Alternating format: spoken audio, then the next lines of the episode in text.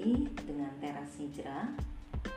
Di teras hijrah, kita bersama istiqomah untuk meraih ridho ilahi. Dalam rubrik rumah tangga kali ini, teras hijrah akan membahas satu tema yaitu tentang fase-fase dalam rumah tangga. Seorang penulis buku, Suami Ideal, yaitu Profesor Muhammad bin Rashid Al-Uwaid menyatakan pernikahan tak akan menjadi surga kecuali karena sentuhan tangan dan usaha kalian dan sebaliknya tidak akan menjadi neraka kecuali karena akibat dari ulah tangan kalian juga. Silahkan kalian memilih sendiri apa yang kalian inginkan dari pernikahan kalian menjadi kebun surga atau kubangan neraka. Membangun rumah tangga itu bukanlah seperti membangun pabrik, di mana proses produksi barang itu inputnya jelas, lalu prosesnya jelas, hingga outputnya pun jelas. Rumah tangga itu bukan proses yang selalu berhasil, terkadang banyak yang gagal. Lalu akhirnya menyerah tanpa mengevaluasi faktor kegagalan. Gagal dalam komunikasi, gagal dalam mewujudkan ketahanan ekonomi keluarga, gagal dalam kepemimpinan suami, gagal dalam mewujudkan kasih sayang, gagal menumbuhkan rasa bahagia, gagal menjalin persahabatan yang intim dengan pasangan, semua karena menjalani rumah tangga itu tidak ada rumus bakunya menurut kebanyakan orang. Hingga seupaya untuk langgeng hingga akhir hayat itu seperti mimpi.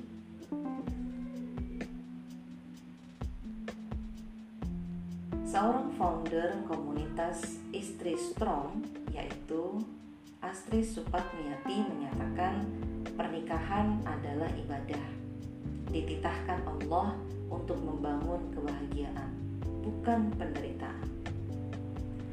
Rasulullah Shallallahu Alaihi Wasallam sendiri menyebutkan bahwasanya pernikahan itu adalah ibadah yang sangat panjang dilakukan sejak diucapkan akad nikah hingga akhir pernikahan.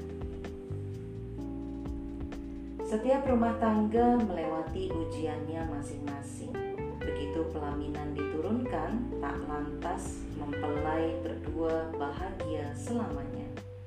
Bak dongeng Cinderella, justru masa-masa bahagia di awal pernikahan ternyata sangat singkat.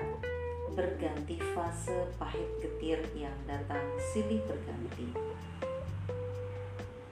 Jika pasangan suami istri tidak berhasil melampaui masa kritis, bisa jadi rumah tangga karam ke dasar lautan. Berikut fase yang umumnya dilalui pasutri dalam mengarungi samudra pernikahan. Yang pertama adalah fase madu. Awal pernikahan, setiap pasangan masih saling menggebu, menerima pasangan penuh keridoan menerima kekurangan apa adanya. Masa adaptasi dengan karakter, kebiasaan, dan perilaku masing-masing, tetapi menjalaninya dengan senang hati, tidak banyak mengeluh, masih optimis membayangkan masa depan yang indah. Berapa tahun lamanya masa ini? Fase madu ini, setiap pasutri berbeda-beda menyikapinya ada yang cuma beberapa hari, ada yang beberapa minggu, atau beberapa bulan mengecap madu. Ternyata belum genap setahun sudah merasakan masa pahit, bahkan memutuskan untuk bercerai. Ada juga yang setahun, ada pula yang mencapai lima tahun pertama pernikahannya. Biasanya, saat anak pertama lahir, Pasutri masih bahagia karena menjadi ayah dan ibu perdana. Setelah anak kedua, ketiga, dan seterusnya lahir, mulailah masuk kepada fase berikutnya. Yang kedua yaitu fase repot atau fase rempong. mulailah problem rumah tangga menanjak naik. Artinya, masalah demi masalah muncul. Baik masalah suami dengan istri, konflik dengan mertua, pengasuhan dan pendidikan anak, problem finansial, problem sosial, dan lain-lainnya. Mulai sering terjadi kesalahpahaman antara pasutri hingga meletus pertengkaran kecil dan hingga besar. Istri mulai kecewa dengan segala kekurangan suami. Sebaliknya, suami pun mulai tidak puas dengan pelayanan istri. Istri merasa sangat lelah mengurus rumah tangga dan anak-anak, mulai tidak bergairah melayani suami. Istri juga mencemaskan kondisi finansial yang semakin parah, mengingat kebutuhan belanja yang bertambah banyak. Sebaliknya, suami juga merasa lelah dan stres karena beban kerja dan pendapatan yang tidak mencukupi keluarga. Suami merasa bersalah karena tak mampu menyejahterakan istri dan anak-anaknya, dan masih banyak lagi masalah seterusnya.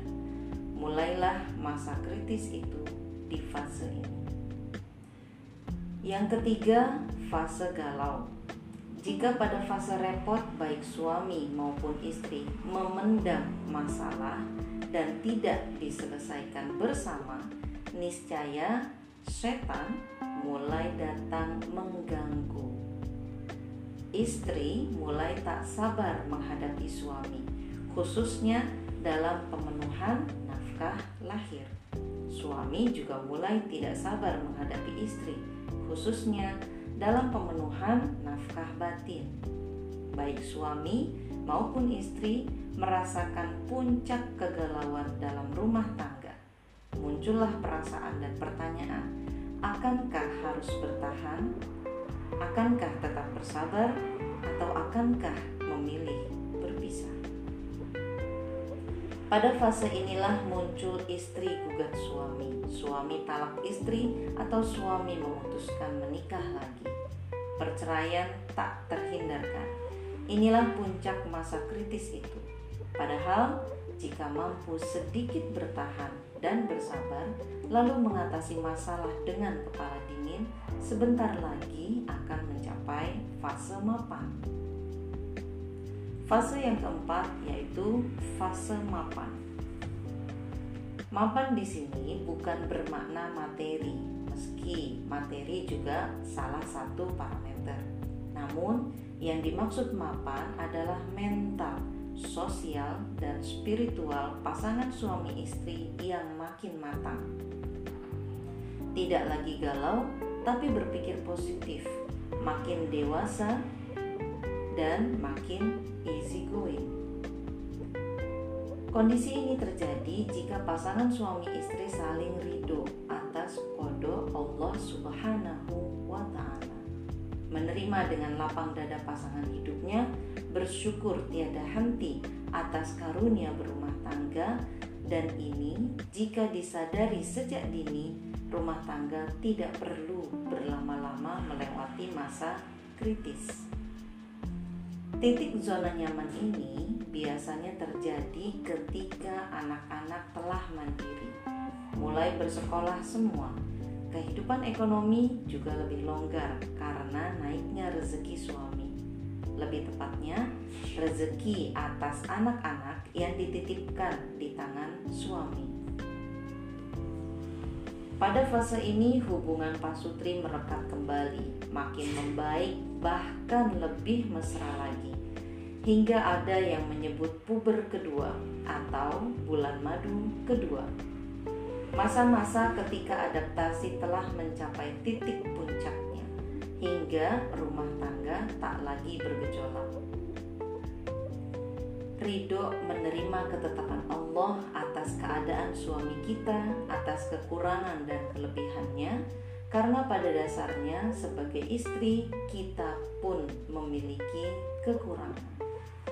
Mensyukuri nikmat yang Allah berikan atas suami kita, bahkan suami adalah hadiah yang Allah berikan untuk kita.